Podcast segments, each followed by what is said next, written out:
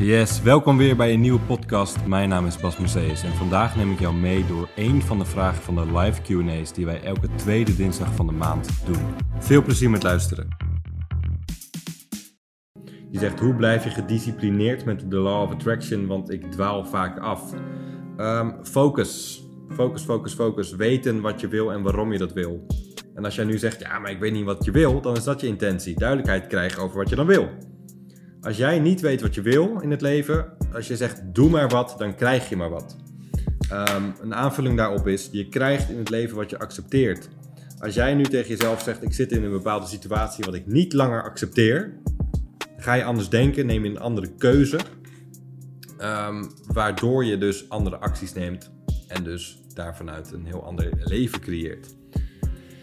Dus wat is het wat jij um, accepteert. Hè? Op het moment dat je zegt van ja, nou ja, ik dwaal heel vaak af met de law of attraction. Het werkt niet voor me. Ja, nou ja, goed, ik heb er zoveel geprobeerd.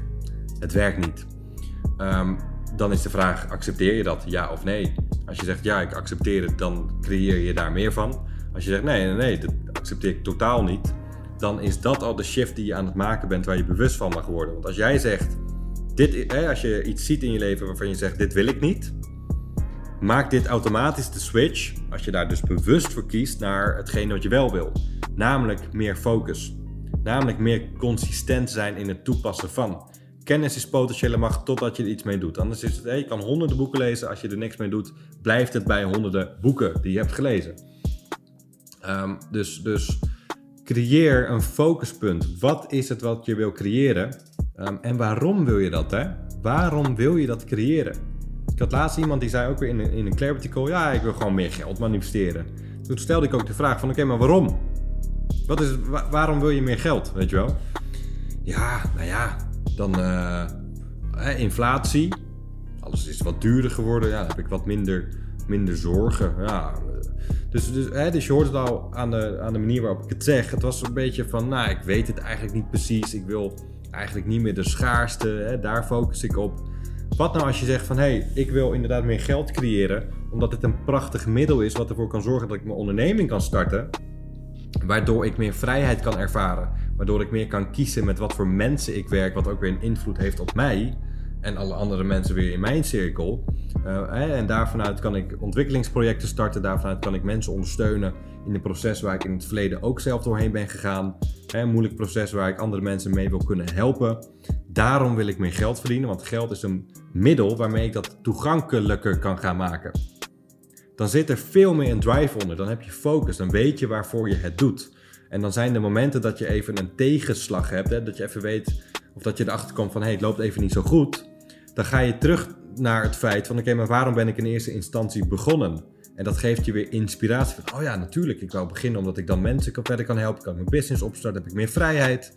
Kan ik meer tijd met mijn gezin doorbrengen, doorbrengen wat ik zo belangrijk vind. Dat is het doel. Weet je wel?